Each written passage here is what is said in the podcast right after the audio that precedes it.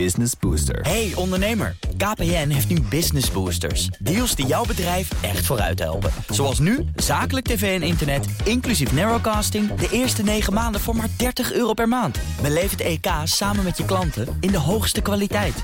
Kijk op kpn.com slash businessbooster. Business Booster. Economenpanel. Bedrijven in zwaar weer door de tweede lockdown... en ligt er een post-corona-boom in het vizier. Dat ga ik allemaal bespreken na die speciale economenpanel jingle... die we voor het eerst gebruiken. En uh, dat doe ik ook om aan te kondigen wie erin zit. Sandra Flippen, hoofdeconoom van ABN AMRO... en Steven Brakman, hoogleraar internationale economie... aan de Rijksuniversiteit Groningen. Welkom beiden. En, um, Dankjewel. We gaan het hebben over uh, de gevolgen van de lockdown voor bedrijven. Het aantal bedrijven in acute geldproblemen is sinds de tweede lockdown namelijk verdubbeld. 27% van alle bedrijven heeft ermee te maken, blijkt uit een enquête van ONL en Stichting MKB-financiering. Maar Steven, jij bent hier natuurlijk gekomen ook met de nodige bewijslast. Je hebt allemaal grafieken voor je neus liggen. Wat blijkt daar dan weer uit?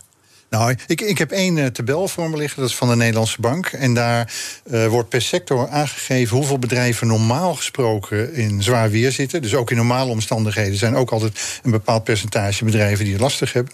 Nou, dat is ongeveer gemiddeld ergens tussen de 10 en 15 procent. En door corona is het natuurlijk toegenomen. Dus dat daar 15 procent van de bedrijven het lastig hebben, dat is eigenlijk uh, niks nieuws onder. En dat dus corona ervoor zorgt dat het percentage krap verdubbeld wordt, is ook niet zo verbazingwekkend. Dat is zeker niet verbazingwekkend. Maar je moet, je moet dus niet vergeten dat, uh, nou, dit is de bel van de Nederlandse Bank, de, dat ook in normale omstandigheden er veel bedrijven zijn die het lastig hebben. Dat ja. is eigenlijk normale, de normale gang van zaken. Uh, Sandra, is dat tijd voor een eigen ABN AMRO-onderzoek op dit vlak of nog niet? Jij weet meer dan, uh, nee, dan de luisteraar. Een heel, heel neutrale vraag. Ja, daar is het zeker tijd voor. Dus uh, ik denk namelijk, ik onderschrijf helemaal uh, wat, uh, wat Steven daar zegt. Um, ik denk dat uh, wat daar verder nog bij vermeld moet worden, is dat het altijd lastig is als je enquêtes uh, houdt. Uh, ten eerste omdat um, de mensen, of de bedrijven die meedoen aan een enquête, die hebben mogelijk ook wat grotere kans op dat ze in zwaar weer zitten. Uh, bedrijven, er zijn namelijk ook bedrijven, dat zien we namelijk ook uit eigen onderzoek, die, die het juist heel goed doen nu. En die hebben natuurlijk veel minder tijd voor een enquête uh, daaraan mee te doen. Dus da daar zie je een soort uh, selectie in optreden. En het tweede, wat natuurlijk heel lastig is, is dat. Ja, je moet er maar van uitgaan dat dat wat bedrijven zeggen, dat hun financiële situatie is, dat dat ook zo is. Um, en, en we hebben natuurlijk in de afgelopen tijd. Kijk, maar zouden ze, pardon, zouden ze dan eerder zeggen dat het, dat het rampzaliger is dan het in de praktijk is, of juist niet? Want ondernemers hebben over het algemeen toch juist een te positieve blik. Ja, dat kan dus allebei de kanten op gaan. Uh, maar, maar dus ik, ik, wil ook niet de, ik wil de bedrijven niet beschuldigen van uh, oneerlijke antwoorden. Maar, het, maar het, je kunt dus al, er zijn argumenten voor, voor uh, een te positieve of een te negatieve bril. En um, daarom is het denk ik inderdaad tijd voor ons onderzoek. Want um, ik, wat wij hebben gedaan is, we kijken naar de zakelijke rekeninghouders. dat, dat is zo, we hebben zo'n zo'n 20% van de Nederlandse MKB-markt die uh, bij, uh, bij onze bank. En uh, op basis daarvan kijken we dus naar de, de cashflow-dynamiek. Dus hoeveel geld komt er binnen, hoeveel gaat er uit, hoeveel buffers zijn er. Er zijn ook daar allerlei haken en ogen aan. Maar ik, een eerste beeld, en we komen deze week hopelijk met de eerste resultaten erover. Maar een eerste beeld kan in ieder geval bevestigt ook wat, wat Steven Brakman eigenlijk zegt, is dat. Uh, de, de, ook in de, in de periode voor corona zie je dat uh, een, uh, een, een, er altijd een groep bedrijven is die een negatieve cashflow heeft. En ook eigenlijk te weinig buffers. dat is ook wel iets wat deze crisis heel erg aantoont.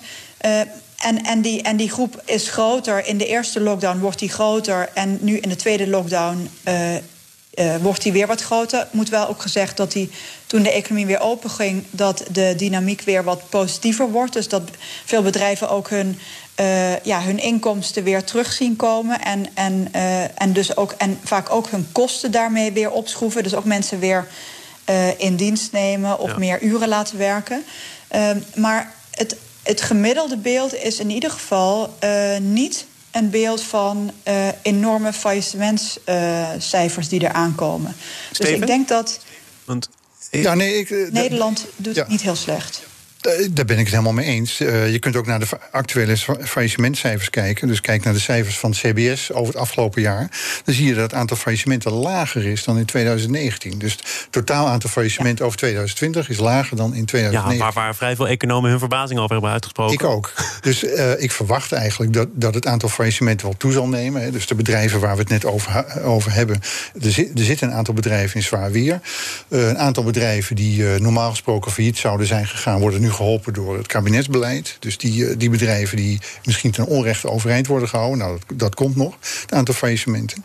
En ik denk ook als die eh, corona-lockdown eh, nog langer duurt.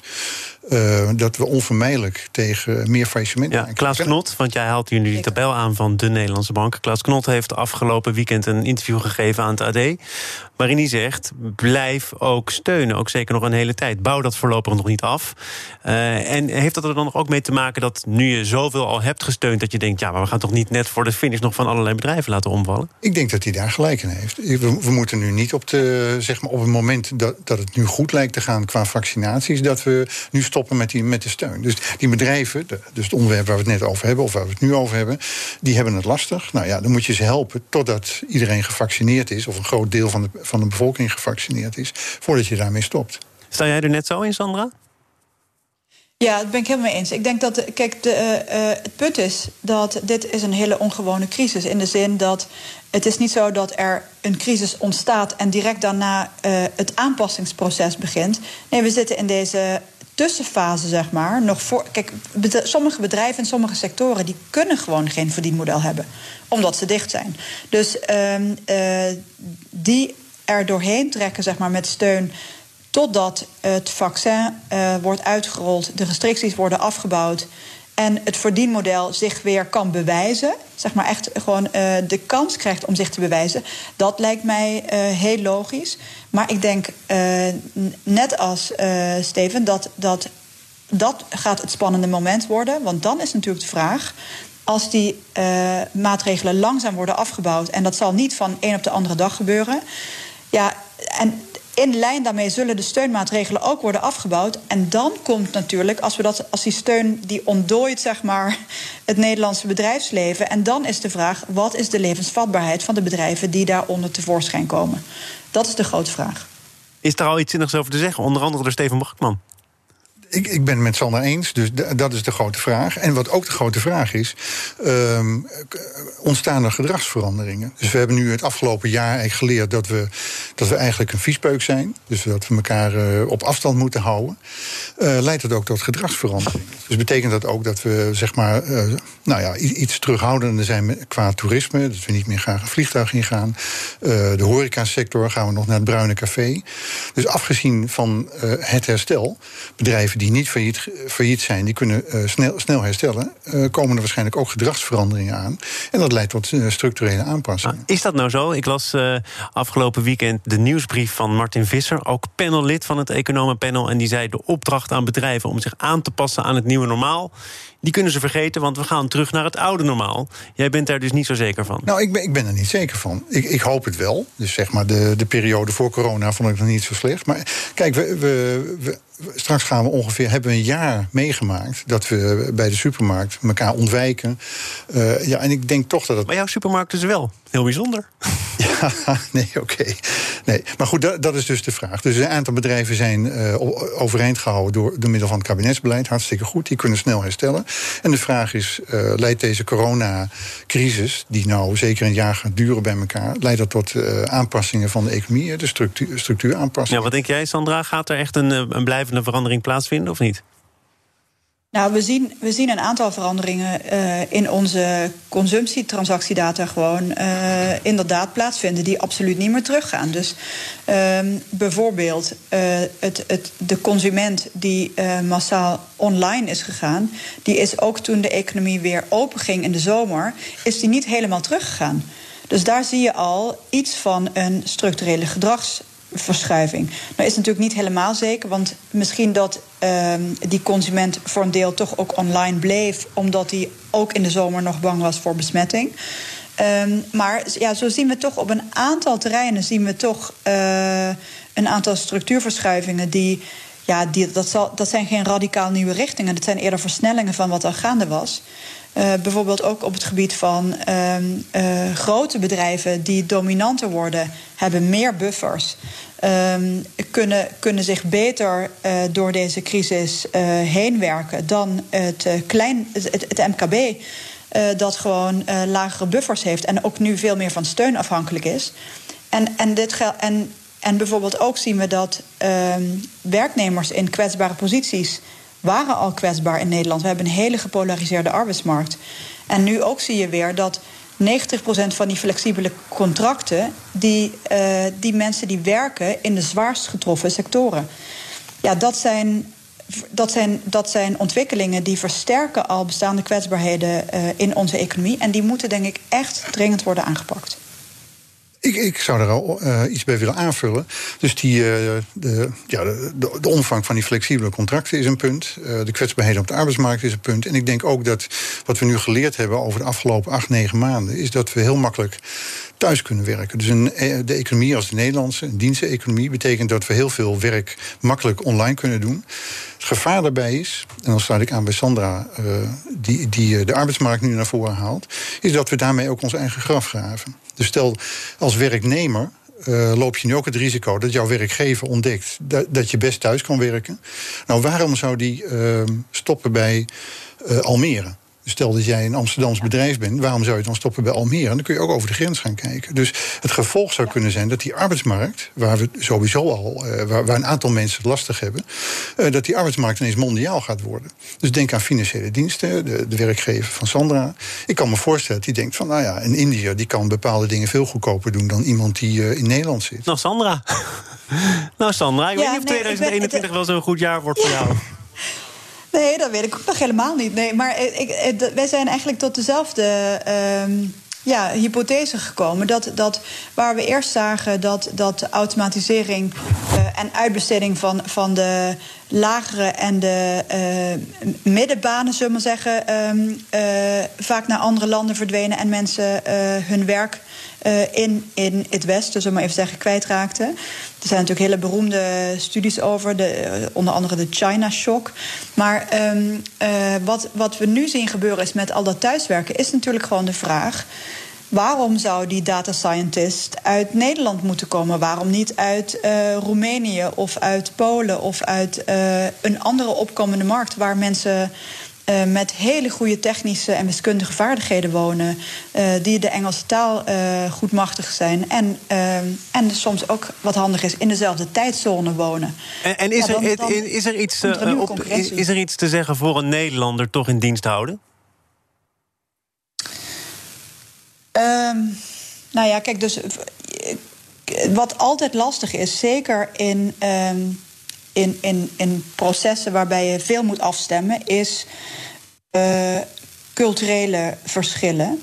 Tegelijkertijd kun je zeggen dat de, daar is ook wel veel onderzoek naar gedaan naar de teams die de moeite nemen om die culturele verschillen te overbruggen en een divers uh, team samen te stellen, dat die het gewoon uiteindelijk veel beter doen. Ja, Steven, moet die, Nederlander, dus ja. moet die Nederlander echt serieus vrezen? Of is er een heel goed verhaal rondom een Nederlands dienstverband te bouwen? Nou ja, er zijn twee kanten aan dit verhaal. Dus uh, waar ik het net over had, is die, die arbeidsmarkt wordt mondiaal. In ieder geval voor een aantal beroepen. Aan de andere kant biedt het ook mogelijkheden. Dus ik kan, uh, dus als ik aan mezelf denk, ik werk op de universiteit, geef, geef les. Uh, dat kan ik ook online voor studenten in Amerika doen. Dus het biedt, ook kansen. Dus die arbeidsmarkt wordt mondiaal. Nou ja, dat heeft een risico dat je moet concurreren met een hoop andere mensen. Maar het biedt jou ook de mogelijkheid om ergens anders een baan te vinden. Dus dat is, dat is een mogelijkheid. En wat Sandra zegt. Uh, ja, die culturele verschillen die zijn er natuurlijk. Dus ik denk dat Nederlandse bedrijven gemiddeld genomen meer Nederlanders in dienst uh, zullen houden. Maar dat die arbeidsmarkt groter wordt, dat is denk ik wel versneld door deze coronacrisis. Zaken doen. Het economenpanel is aan het woord. Sandra Flippen, hoofdeconoom bij ABN AMRO... en Steven Brakman, hoogleraar internationale economie... aan de Rijksuniversiteit Groningen. En ik wil met jullie vooruitblikken op dit jaar. Maar uh, ja, de thema's van dit jaar zijn voor een deel ook de thema's van vorig jaar. Zeker als ik het ook aan jullie vraag. Want Steven, je denkt, ja, die brexit... hebben we daar nou wel genoeg over gesproken eigenlijk? Ja, blijft dat toch met interesse volgen? Ja, nee, zeker. Zeg maar, we, hebben daar heel veel over gesproken de afgelopen vier jaar eigenlijk, sinds, het loopt. Um, en ik, ik blijf het een merkwaardig proces vinden. Dus we hebben er bestaan nu honderden van dit soort uh, ja, regionale verdragen tussen landen, waarbij ze de handelsbarrières verlagen. En wat er nu gebeurt, heel uniek dat doelbewust die handelsbarrières vergroot worden. Nou, en dat is toch wel heel merkwaardig. Nou ja, dat zien we uh, door de toename van de bureaucratie. Er is een schatting gemaakt dat, dat uh, het aantal formulieren met een factor 20 gaat toenemen tussen, uh, bij de handel met het Verenigd, Verenigd Koninkrijk. Dus het is eigenlijk een heel merkwaardig proces. Nou, alle ramingen die verschillen natuurlijk, dat zijn schattingen, maar alles heeft een min. Dus het is slecht voor Europa, het is slecht voor de wereld en het is slecht voor het Verenigd Koninkrijk. Dus het is een heel merkwaardig proces. Maar de plus die door anderen werd geconstateerd is dat er voorlopig geen tarieven komen, dat er niet gewerkt gaat worden met quota, dat bepaalde standaarden gerespecteerd blijven. Dus valt de klap dan misschien toch wel. Ja, dat was wel zo, maar in het ergste geval was het allemaal niet meer zo. Nee, maar dat, waar je op wijst, dat, dat klopt. Maar dat was al zo. En daar is alleen maar bureaucratie en, lastige handelsbarrières bijgekomen. Dus het, netto-effect is negatief. Ik ben het wel met je eens als je daar bedoelt. Uh, het is ook weer niet rampzalig. Er zijn heel veel landen die geen lid zijn van de Europese Unie. Denk aan Japan, denk aan de Verenigde Staten. Nou, daar handelen we ook prima mee. Dat gaat goed. Maar het is wel jammer. We, gaan nu eigenlijk de verkeerde kant op. Ja, is het jammer of zie je het toch ook wel als een interessant experiment? Nou, ik vind het dom vanuit economisch oogpunt. Ik vind het interessant uh, om hier naar te kijken. Dus ik heb uh, samen met collega's in, uh, in, Groningen hebben we, hebben we ramingen gemaakt en schattingen. En het is natuurlijk heel aardig om te kijken of die uitkomen. En wat zegt Steven Brakman op 4 januari? Wat is jouw raming? Die was min 5% voor de, voor de handel tussen Verenigd Koninkrijk en Europa. Ja. Sandra, heb jij al genoeg van dit dossier? Of zeg je nou, 2021 is goed begonnen? Ik wil nog even wat zeggen over Brexit.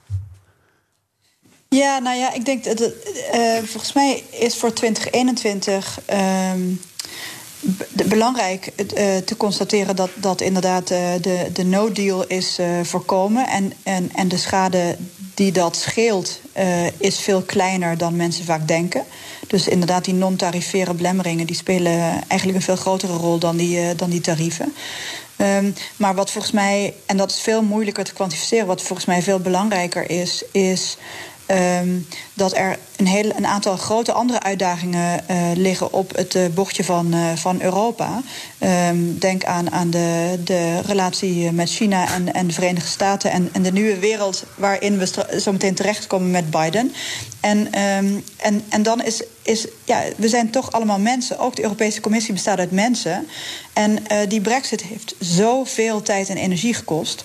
dat we daar nu in zekere zin van verlost zijn. En we kunnen ons concentreren op waar Europa naartoe moet. En dat lijkt me grote winst. Ja, Europa heeft zich geconcentreerd, kennelijk ook al de afgelopen zeven jaar... maar voor een belangrijk deel achter de schermen op een deal met China. Een investeringsdeal. Ik denk ook dat je daarop doelt. Want daar is ja. nu witte rook. Ehm, misschien wel ook om Amerika een hak te zetten. Zo wordt dat althans uitgelegd. Want Europa en China lijken het nu eens te zijn... waardoor Amerika dan weer min of meer alleen komt te staan. Is dat ook wat je bedoelt met de nieuwe wereld? Ja, ik zou niet willen zeggen hak hoor. Ik denk dat uh, ja, dat is voer voor uh, geopolitieke strategen. Ik denk dat.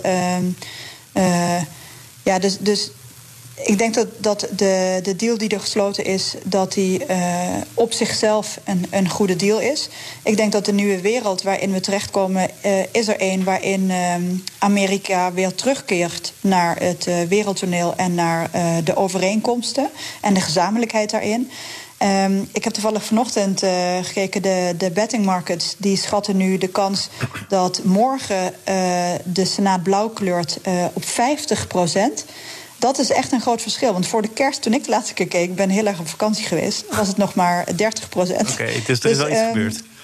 Ja, dat, en dat is wel, dat is, dat is wel echt uh, heel spannend. Want als die Senaat blauw kleurt, dan, uh, ja, dat, dan, dan betekent dat mogelijk uh, niet alleen voor Amerika grote stimulering, maar ook de mogelijkheden voor, voor allerlei afspraken op wereldtoneel... Uh, dat die effectiever kunnen worden uitgerold en uitgevoerd...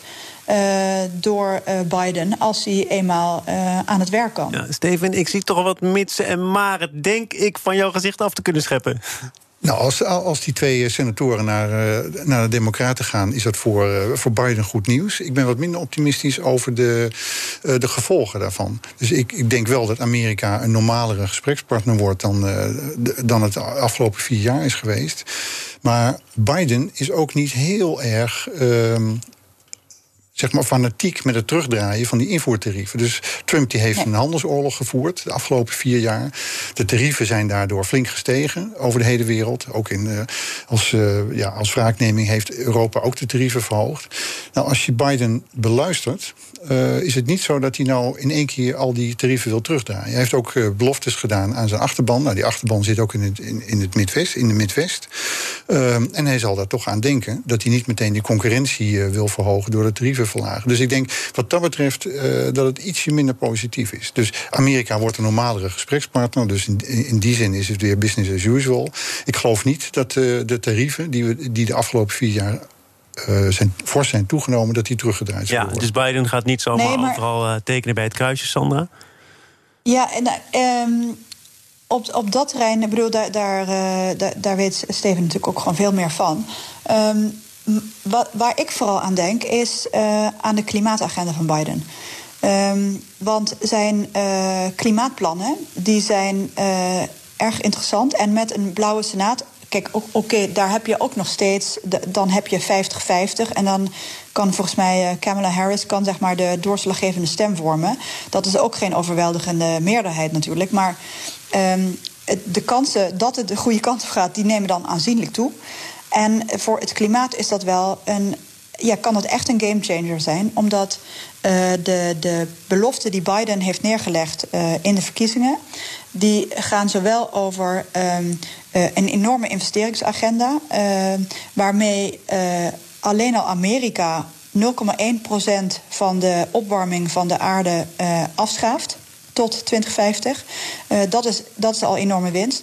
Maar wat daarbij komt, is dat uh, met Amerika aan boord uh, de wereld uh, voor 58% van, ehm, van, van, de, ja, van, van de wereldeconomie eigenlijk zich committeert aan die eh, klimaatneutraliteit in 2050, ja. China in 2060. Maar goed, dat is, echt, dat is echt een gamechanger.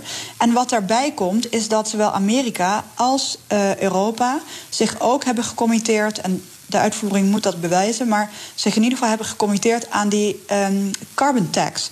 En dat betekent dat ook andere landen die die uh, agenda niet onderschrijven, dat als zij handel willen drijven met het Europese en het Amerikaanse vasteland, dat zij ofwel uh, die uitstootbelasting erbij krijgen, waardoor ze minder concurrerend zijn, of dat zij zelf ook hun uitstoot gaan verlagen, waardoor ze weer tegen lage tarieven de markt op kunnen. Ja.